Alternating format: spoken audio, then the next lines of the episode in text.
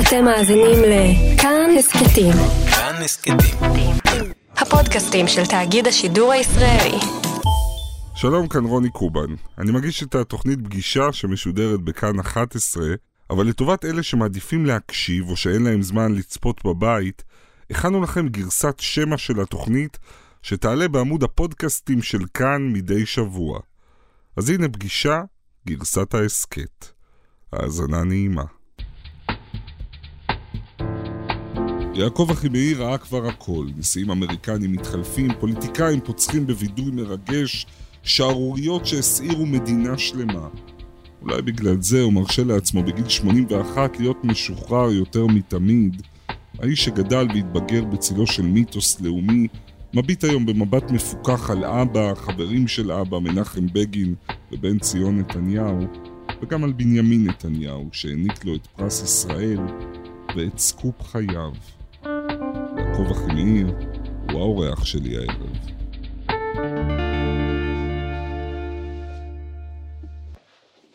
שלום יעקב, היי, שלום. זה הקיר שלך. אלה הם חייך? וואו, וואו, וואו. יעקב לא נרדם. אני בן כמה חודשים, בעיר גדנסק, או בוורשה על ידה. אבי המנוח, אימא שלי. נשיא ארצות הברית. נשיא ארצות הברית, כן. הבעיה עם האורחים הזרים, בכירים ככל שיהיו. ואתה ראיינת כמה נשיאים. כן, אני ראיינתי הרבה מהם, אבל בתוקף תפקידי. הבעיה היא שאחר כך הם כותבים כתבי זיכרונות, ואת הפגישה איתי הם לא מזכירים. אני תמיד מחפש באינדקס, שום דבר. פשוט מעלימים אותי. אני רוצה להתעכב על תמונה אחת, אה, אתה זוכר בערך בן כמה אתה פה? 23, 24. יש לי שתי אחיות, הן היו מסתכלות על התמונה הזאת ואומרות, איזה חתיך! כן? אפילו אשתך אמרה בריאיון שהיא בעצם התאהבה בך, כי אתה היית חתיך נורא. אני מקווה שהאמירה הזאת מחזיקה מעמד עד היום. אפשר לומר שהיית אליל לבנות? אני לא חושב, לא חשתי ככה. אני חושב שיותר חיזרתי מאשר חוזרתי. ולמה אתה התאהבת בה? מה היה בה אז? תראה, אנחנו הכרנו במחסן ספרים. אנחנו שנינו היינו סטודנטים, ולמדנו היסטוריה כללית באוניברסיטה העברית, וככה, בין הכרכים. אה, בין הכרכים. נולדה אהבה. אני חושב שהיא מחזיקה מעמד עד היום. אמרת אה, כמה פעמים, אני לא בטוח שהייתי מחזיק מעמד בלעדיה, שהיה לי קיום בלעדיה. נכון. היא אישה מאוד אה, חכמה, אמנם אני לא אובייקטיבי, אבל אני יכול אה, לומר את זה בלב שלם. היא מחזיקה את, את, כל, המש, את כל המשפחה בחוכמה, בתבונה. אתה יכול להגיד לי, אבל תשמע, אני עוד לא חגגתי עשור אפילו לנישואיי, ואתם למעלה מחמישים שנה. למעלה מחמישים שנה, למעלה מחצי מאה ביחד. אה, למה אתה נוזף בי על זה? לא, לא, אני, אני משתאה, אני, אני, אני רוצה טיפ. איך מחזיקים מעמד למעלה מחמישים שנה עם אותו בן אדם? אני לא פצחתי עדיין את קוד האניגמה הזה, אבל אני חושב שסוד אחד, מפתח אחד לחיים משותפים, אני יכול לומר, אוקיי. וזה סבלנות וסובלנות.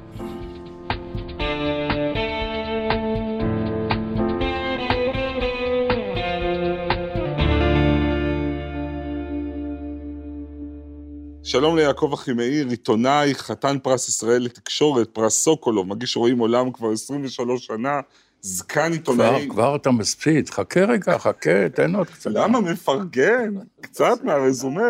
זקן עיתונאי השידור הציבורי, זה, זה 56 שנה ברשות השידור, כולל התאגיד. כולל התאגיד. וואו. מה לא עשית? כתב בכנסת, כתב מדיני. אני ביקשתי ממך להפסיק להצפיד אותי. לעצור? מגיש שמנה חדשה ברשת ב', פובליציסט, אוקיי, בסדר, אני אעצור, אפילו כתבת כמה ערכים באנציקלופדיה העברית, לא ידעתי, ואתה רק ינוקה בן 82, 81, עוד מעט. עוד מעט, סליחה, אתה היית ונשארת הכי ממלכתי שאפשר. הכי ממלכתי, רוני, תסלח לי, זה גידוף. אוקיי. היום זה גידוף. בעיניך זה גידוף? ממלכתי זה לא טוב, זה לא... למה? מה זה אומר ממלכתי לא אופת- היום? זה לא אופנני, זה מחוץ לתקינות הפוליטית, זה, זה לא בברנז'ה, זה לא בחבורה, זה לא... זה לא זה, בוא, בוא, בוא תעזוב את זה. אבל יכול להיות שהמעלה הזאת שלך, שבין הרבה צופים היא עדיין מעלה, היא גם סוג של חולשה לפעמים? חולשה שלי? כן, כמראיין. כמראיין? אני לא יודע, אני, אני מאמין, אה, ישפטו אחרים, שאני נהגתי בצורה קורקטית כלפי, כלפי כל אה, מוראיין שלי, יהיה נכבד, נכבד אשר נכבד. קרה פעם שאיבדת את זה? ש- שממש צעקת, נזפת במרואיין? היה, קרה, אני מבין.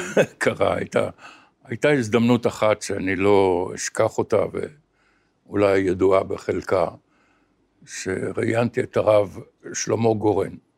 הוא היה המנוח, היה הרב הראשי לישראל, ובירושלים התפתחה מחלוקת אדירה לגבי החפירות הארכיאולוגיות בשטח מסוים, והוא טען שלא היה צריך לחפור במקום הזה, כי זה היה אה, בית קברות יהודי. והרב גורן דיבר ודיבר ודיבר, ואמרתי לו, סלח לי כבודו, שמא כבודו יבלום את פיו. ככה אמרת לו. כן, אבל אמרתי את זה בנימוס, אני לא צעקתי. לו. במילים שלנו זה אולי תסתום את תראה, הפה. כן. תראה, אמרתי, כבודו, שמא כבודו. כבודו יבלום את- יבלום את פיו.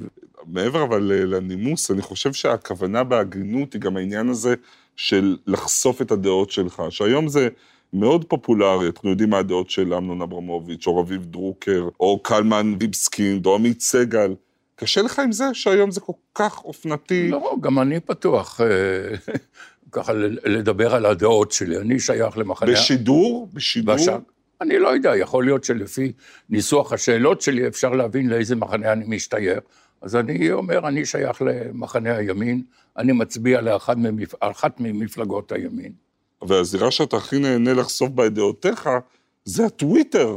אתה ממש צייצן לא קטן, אני אתן דוגמאות מפתיעות, למשל, את הפה המלוכלך של אושרת קוטלר צריך לסתום. כן. על תמר זנדברג, שהציעה לבטל את חוק החמץ, כתבת שמדובר בחוסר רגישות אנושית ויועדית, אמרת גם שהיא ביישה את עצמה, ואחרי שאיציק שמולי וקרן נויבך יצאו מהארון, תהית, למה הם בכלל חושבים שאתה ואחרים צריכים לדעת מה קורה בחדר המיטות שלהם? נכון, השאלה נשאלת גם עכשיו. אני רואה. אני מסכים עם עצמי, למרבה ההפתעה. לא, אבל אתה יודע, היו כאלה שיגידו שמיניות וזהות מינית זה לא רק חדר המיטות. נכון, אני חטפתי הרבה בעקבות ההערה הזאת שלי בטוויטר, אבל אני, יש לי השקפת עולם, זאת אומרת, שאני משתדל מאוד להקפיד בה ולחיות על פיה, ביתי ומבצרי. לא מעניין אותי מה רוני קובן עושה לאחר שהוא יוצא מן האולפן הזה. לא מעניין.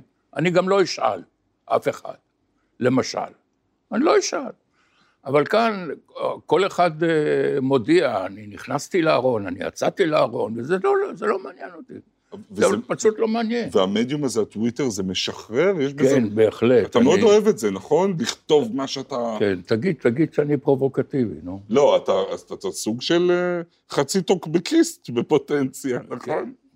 עד כמה התקשורת היום, עד היום, נמצאת לדעתך בעמדה שאומרת, איך בכלל אנשים יכולים להצביע ליכוד, או איך הם יכולים לרצות את נתניהו כראש ממשלה? תשמע. אני מדבר על רוב התקשורת. כן, אני, אני לא יודע אם אני מדבר על חלק גדול או חלק קטן בתקשורת, כאן אנחנו צריכים לדבר על אינדיבידואלים, על אנשים אה, יחידים, ואני חושב שקיימת מידה רבה של התנשאות על אנשי ימין, עד כדי כך שאתה חושב שבעצם אתה שייך לעדר מהמות, כפי שהתבטא מי שהתבטא, אני לא רוצה להזכיר כאן את שמו, בבונים, ועד כדי כך שאדם שהיה נוחת מן ה... חוזר מן המאדים, היה חושב שפה נאמרים, מי הם האנשים האלה, מי הם המצביעים האלה. זאת אומרת, כשנתניהו אומר שהתקשורת עוינת אותו ויוצא הוא מולה, צודק במאה אחוז. גם במלחמת העולם שהוא, יוצ... שהוא פועל נגדה? תראה, אני אומר דברים, אני יודע שיתאפסו עליי וכולי, אבל חלק גדול מן התקשורת, לא כולה, אה, כותב על ראש הממשלה ברגשות של שנאה. לא ביקורת, לא אפשר לבקר כל ראש ממשלה על פן זה או אחר של המדיניות שלו, של הצעדים שלו, אבל אני אומר, אני לא יודע אם אני צודק או לא, אבל אני רק יכול לומר את דעתי, לא יכול לומר דעה של אחרים, שחלק מן התקשורת שונא את ראש הממשלה בנימין נתניהו. זה היה כמעט מן ההתחלה. אם נתניהו היה יושב פה מולך עכשיו, מה השאלה הראשונה שהיית שואל אותו?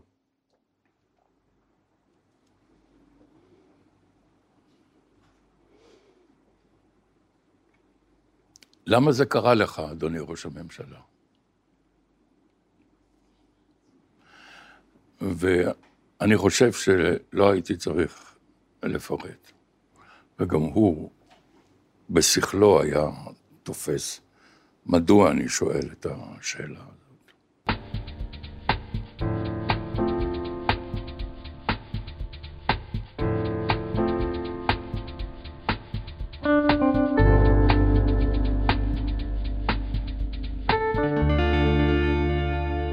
אז הנה אתה, אה, הילד יעקב שלמה אחימאיר, שנקרא על שם שני עולי גרדום של האצ"ל. על שם עולי גרדום אחד, לוחם אחד של האצ"ל. ונולד לאבא אחימאיר, ממנהיגי הרוחניים של התנועה הרוויזיוניסטית, עיתונאי, היסטוריון, פילוסוף, אינטלקטואל יוצא דופן, מייסד ברית הבריונים. אבא שלך היה איש משמעותי וכבד משקל בתולדותינו. הערצת אותו? אני חושב שכן, ואני יכול לומר שבשנים רחוקות, אפילו לא כל כך רחוקות, היה קשה מאוד להיות אה, בנו. בשבילי זה היה קשה מאוד. זה היה מכביד והיו ציפיות ממני. אה, למשל, בעת הבר מצווה שלי, זו הייתה תקופה שנתנו מתנות לחגיגת בר מצווה באמצעות ספרים עם הקדשות. אז הרבה מן הספרים היו מוקדשים לי, בנו של, או שתלך בדרכו, או שמצפים ממך שתהיה כמוהו, וזה מאוד מאוד אה, הכביד עליי. מה, אני קטונתי? מה... עמדת בציפיות. אני לא יודע. למשל, אני השתוממתי לקרוא שאתה בכיתה ט' נשארת כיתה. למה אתה מזכיר את זה? למה? באמת, אנחנו אני עושים... עיתונאי, תוך- לפעמים תוך- אנחנו קצת תוך- לא נחמדים. תוך תוכנית כל כך רגועה וכולי, ואתה פתאום מכניס את זה באמצע. האם זה היה כל כך נחוץ? אה. האם זה דבר חשוב מאוד בביוגרפיה שלי? אני מאוד מתפלא עליך, רוני. אז קודם כל אני מתנצל. תוכל לתאר לי בכל זאת את פניו של אבא אחימאיר כשמבשרים לו שבנו נשאר כיתה? ככל שאני זוכר, זה הטריד יותר את אמי מאשר הטריד את אה, אבי, וזה כמובן אה, הטריד אותי. וזה שמזכירים את זה כל פעם, זה פשוט, זה ממש משגע אותי, אתה יודע. אבל מה אני אתה אומר את זה ברצינות שזה משגע אותך? כן, כן. אתה יודע מה, אני אפילו, אפילו מעביר את המורשת הזאת, הלא סימפטית, לנכדים שלי, שהם נמצאים בבתי ספר והם לומדים וזה, ולפעמים הציון גבוה, לפעמים הוא פחות מגבוה וכולי, אז אני מנחם אותם ואני אומר, סבא נשאר כיתה. אז הם כל כך מאושרים שיש להם תעודת הכשר רב כזאת, תחתון. תעודת הכשר כזאת. מקסים. ובצד כל הכישורים האינטלקטואליים הנדירים, אה, אבא שלך הוא האיש של הנצח ונכנס פה לטריטוריה מורכבת, יישא את אות הקין של רצח ארלוזרוב שלא באשמתו, למרות שהוא לא היה קשור, והוא נוקה מאשמה בזמן אמת, וגם בדיעבד, אחרי מותו. מה עשתה לו הפרשה ההיא? כמה היא נצרבה בו, בכם, להיות מואשם ברצח ארלוזרוב? תראה, זה מאוד uh, צרב את uh, נפשו. במובן מסוים אפשר לומר שזה קיצר את ימיו. אבי נפטר בגיל 65 או 66, והוא במפגשים מצומצמים, אבי שאל אם היו מזכירים שמו של אדם שיש לו איזשהו מימד ציבורי, האם הוא היה במחנה שלנו או במחנה של המעלילים. מחנה של המעלילים. של המעלילים, כי זאת הייתה באמת עלילה. קראתי הרבה על התקופה הזאת, וזאת חוויה איומה בטח להיות בן של אבא, שהוא לא אשם במשהו, אבל הסביבה מסביב מתנהגת כאילו, כן, זה מין חוסר אונים. כן, נכון. למשל, בעבודה שלי באלה שעדיין האמינו בעלילה הזאת, ואני הכרתי את אבא שלי, והוא הוא לא היה מסוגל להרים יד על, על מישהו. עכשיו, כשנבין את, ה, את התקופה ועד כמה זה נהיה קיצוני, בן גוריון אומר עליו בנאום שהוא היה תלמידו של היטלר ומוסליני, ומי צריך לערוך את הנאום הזה ברדיו? הוא אמר את זה בכנסת. ו... אתה ערכת את הידיעה. אני ערכתי את הידיעה הזאת אה, לשידור. הייתי אז עורך חדשות ב"קול ישראל", בחדר החדשות. את הדברים האלה שבן גוריון אומר על אביך. כן, בכנסת. אוקיי. ואז אנשי סיעת חירות, נדמה לי שחיים לנדאו היה הראשון בזה, קרא לעבר בן גוריון, של נעליך מעל רגליך כאשר אתה מדבר על אבא אחי מאיר. אבא שלך היה גם חבר טוב של בן ציון נתניהו, אביו של ראש הממשלה. נתניהו האב ממש הגן עליו בגופו כמעט, כשביקשו לפטר אותו ממפעל כתיבת האנציקלופדיה העברית. אתה זוכר מה נתניהו אמר לך כשהוא התקשר לברך אותך על קבלת פרס ישראל? או ככל שאני זוכר, הוא אמר, הצדק נעשה. הצדק נעשה. הצדק נעשה, כן. בן ציון נתניהו, שהייתי נפגש איתו מדי פעם בפעם, הוא סיפר לי שבהיותו עורך כמה מן הכרכים של האנציקלופדיה העברית, העורכים התחלפו מדי פעם בפעם. הוא רצה להעסיק את אבי כדי שאבי יכתוב את הערכים, אבי היה היסטוריון, או ליתר דיוק פילוסוף של ההיסטוריה, אה, שיכתוב ערכים אה, הקשורים לרוסיה, ספרות, היסטוריה, יהודים ברוסיה וכולי. ואז אה, בעלי הוצאת מסדה, שהוציאו את האנציקלופדיה העברית, הם אמרו לבן ציון נתניהו, אל תיקח אותו, אל תעסיק אותו, משום שהממשלה תעצור לנו את הנייר להדפסת האנציקלופדיה העברית. התשובה של בן ציון נתניהו, כפי שהוא סיפר לי, אם כך, אם אתם תעמדו בסרבנות הזאת, אני לא עורך את, ה... אני לא עורך את האנציקלופדיה העברית. והם נכנעו, ואבי אכן כתב ערכים חשובים, למשל, הוא כתב אולי את אחד הערכים החשובים ביותר באנציקלופדיה העברית. הקשורים לעמנו, על היטלר. וכשקיבלת ב-2012 את פרס ישראל לתקשורת, פרס שאבא שלך לא היה מקבל לעולם רק בגלל דעותיו והתקופה, על מי חשבת, על מה חשבת כשעמדת שם על הפודיום? תראה, מטבע הדברים, אני חשבתי על uh, הוריי. אין שום ספק בדבר. אמרת לאבא משהו בלב? לא, לא אמרתי משהו בלב, אבל לפעמים לא צריך לומר, לפעמים ישנה הבנה אילמת.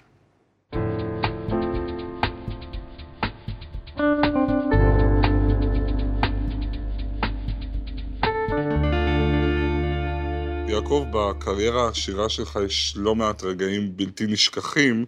אני רוצה להיזכר איתך באחד מהם. ועכשיו לפרשה המסעירה את המערכת הפוליטית בליכוד. אלמוני מאיים לפרסם חומר החושף קשרים אינטימיים של חבר הכנסת בנימין נתניהו עם אישה אחרת. הוא טלפן לאשתו של חבר הכנסת נתניהו וביקש כי נתניהו יסיר את מועמדותו לראשות הליכוד, ואם לא כן, יפיץ את החומר אשר יכפיש את בנימין נתניהו. במחנה לוי כבר תוקפים את מה שהם מכנים הגימיק של נתניהו. באולפן חבר הכנסת בנימין נתניהו וכתבנו לענייני משטרה, אורי כהן אהרונוב. ערב טוב לכם רבותיי. ערב טוב חבר הכנסת נתניהו. אתה הבאת מעט מהסגנון האמריקאי לפוליטיקה הישראלית, לכן אה, אולי נשאל אותך שאלה ראשונה, האם היו לך קשרים אינטימיים עם אישה אחרת?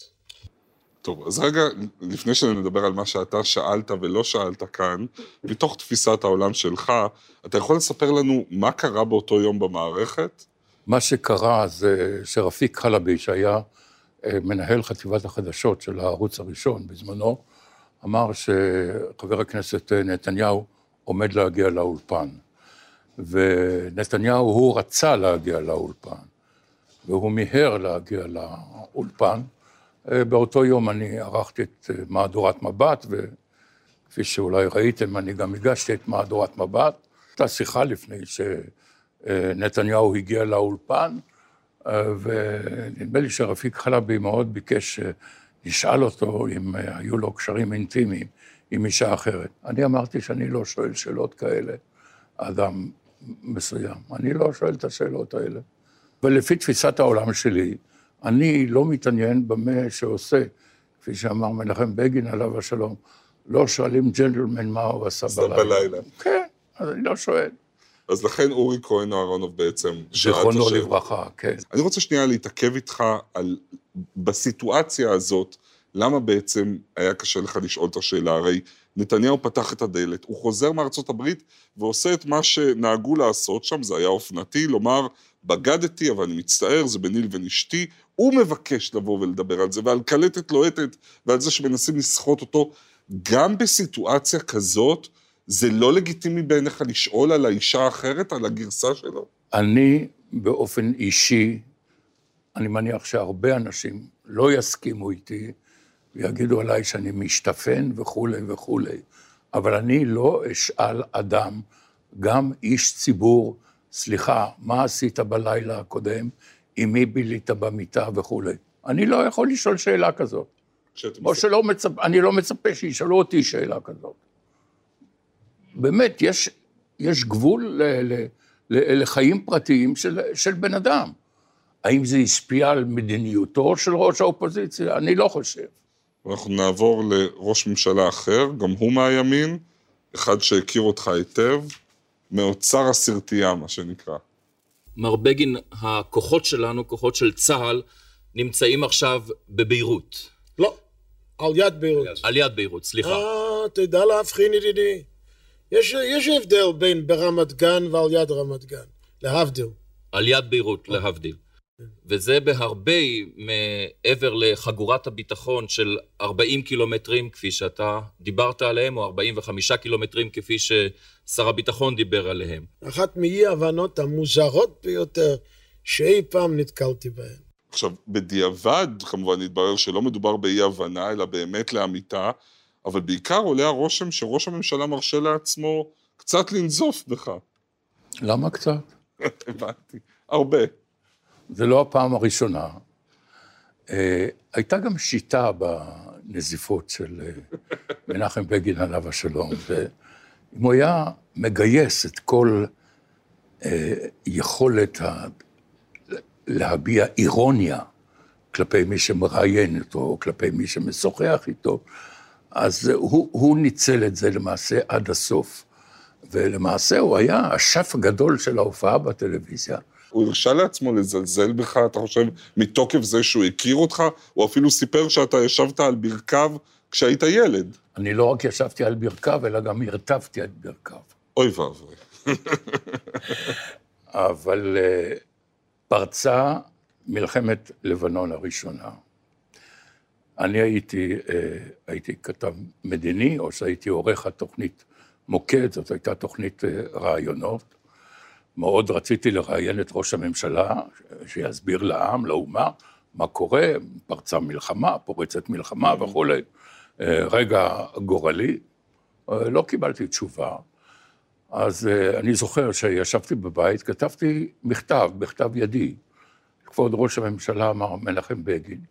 הכנסתי את המכתב הזה למעטפה, ליקקתי וסגרתי, ובדרכי מביתי לאולפן הטלוויזיה ברוממה, עברתי ליד משרד ראש הממשלה, נתתי את המכתב הזה לשוטר, לשומר, ביקשתי, תמסור את זה ל- לראש הממשלה.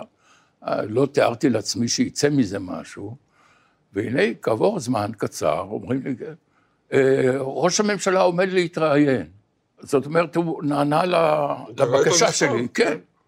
הוא בא לאולפן, מנחם בגין, אני זוכר את זה עד היום, הוא הסתובב בתוך האולפן, ככה, בינו לבין עצמו, עד שהתחלנו את הרעיון, וככה הוא אומר לעצמו, כן, יעקב ביקש ממני, יעקב שלח לי מכתב, אני לא יכול, כאילו, כאילו הוא קורבן של המכתב שלי, שהוא נאלץ להעניק רעיון על, ה, על הדבר הזה, לא יכולתי לסרב, וכולי, יחיאל. ו... היה לו חוש לדרמה. היה לו חוש דרמה לדרמה. פולנית גם. יותר כן. מדרמה פולנית, אוקיי. אירוניה ישראלית. אתה מבין למה מתגעגעים אליו היום? אפילו בחוגי השמאל? נער הייתי וגם זקנתי, ואני זוכר מה דיברו על מנחם בגין לפני שנבחר לראש הממשלה. כל הגידופים, כל ה... השמות וה- והתוארים המכוערים מאוד שהכתירו בהם. אבל עכשיו יש געגועים, גם למנחם בגין, גם ליצחק שמיר, עליו השלום. מי יודע, אולי בעוד 120 יתגעגעו גם לראש הממשלה נתניהו, אינני יודע. אני אגיד בדיפלומטיות הכימארית שאני אשתוק, למרות שיש לי מה לומר.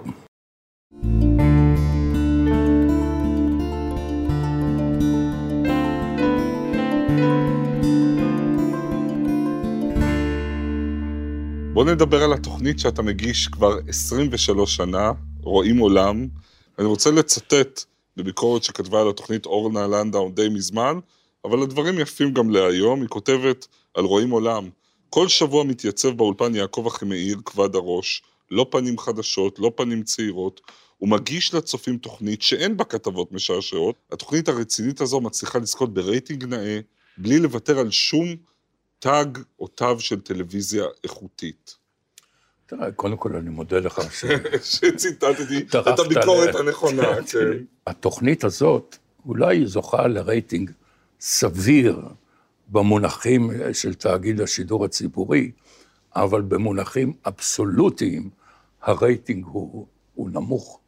הוא הרייטינג נמוך מאוד, למרות שתמיד אומרים לי, התוכנית מעניינת, וכל מוצאי שבת, וכל כל מיני מחמאות כאלה, אבל לפעמים אני חושב, אם כל המחמיאים היו גם צופים בתוכנית, אז ייתכן שהרייטינג היה יותר גבוה. ואתה יודע מה, אני, אני מבין, הציבור אוהב תוכניות ריאליטי, תוכניות בידור וכולי אתה משודר וכולי. מול מפלצות רייטינג, כמו חתונה ממבט ראשון, כן, אני שואל את הישרדות. עצמי, איך הם מעיזים בכלל להתחרות עם רואים עולם? איך הם מתחרו? מה זה הדבר הזה שאתם עושים? מחבלים בתוכנית כל כך... בתוכנית, רצינית, כן. בתוכנית אה, כל כך אה, חשובה. אתה מזפזפ? אבל, אבל אני מבין את הציבור, מה, הציבור מעניין אותו מגפת הקולרה בתימן? לא, למה לא? הוא מסתכל על תוכנית ריאליטי, על תוכנית בידור, וזה הרבה יותר נוח, וזה לא גורם לו כאב ראש. עכשיו, אתה מסור לעבודה בצורה שלא תיאמן, העבודה היא חייך. עשינו פגישה מקדימה לפני כמה שבועות לקראת התוכנית הזאת, ונשאר איתי משפט אחד שאמרת, שלפעמים כשאתה מסתכל בדיעבד על החיים האלה של מגיש, של עיתונאי, של רפורטר, אתה אומר לעצמך, כמה השקעתי בדברים שהיום נראים לי כל כך שוליים, בריצה אחרי הזנב של המציאות. יש בך חרטה של... נכון, אה, אני לפעמים אה, מצטער על כך, אבל... אה, שמה, שלא השקעת יותר לא. בילדים נגיד, או... בדיוק, כן. המסירות שלי היא לא אומרת דבר וחצי דבר על היכולת שלי או על הכישרון שלי שישנו או איננו. אבל המסירות שלי באמת, אה, היום כשאני מסתכל על זה במבט לאחור, זה זה, מה קרה? אם הייתי מפספס אה, ידיעה או משהו כזה, אתה יכול לשאול את אשתי, אני תמיד הייתי אומר לה, אור, את חושבת שעכשיו יחזירו אותנו? כן, אני, אני לקחתי את זה ללב ב- בצורה מוגזמת, מוגזמת מאוד. יש לך תאריך פרישה, או שאתה תגיש את רואים עולם עד, גם כשלי יהיו נכדים. לא, אני מרגיש שאני אה, ערני מבחינה אינטלקטואלית. אם אני עושה את התוכנית טוב או לא, זה לא, לא לי לומר, אני אוהב לעשות את התוכנית, אבל אה, אם יקראו לי לפגישה ויגידו לי, יעקב, זמ- זמנך עבר, אני אגיד תודה רבה ולהתראות. יעקב אחימאיר, תודה רבה שהגעת אלינו, היה לי ממש לעונג. תודה רבה לך. תודה. ויש לי תחושה שאתה... שאתה תמשיך. עוד הרבה. כן, אני באמת חושב על קריירה נוספת.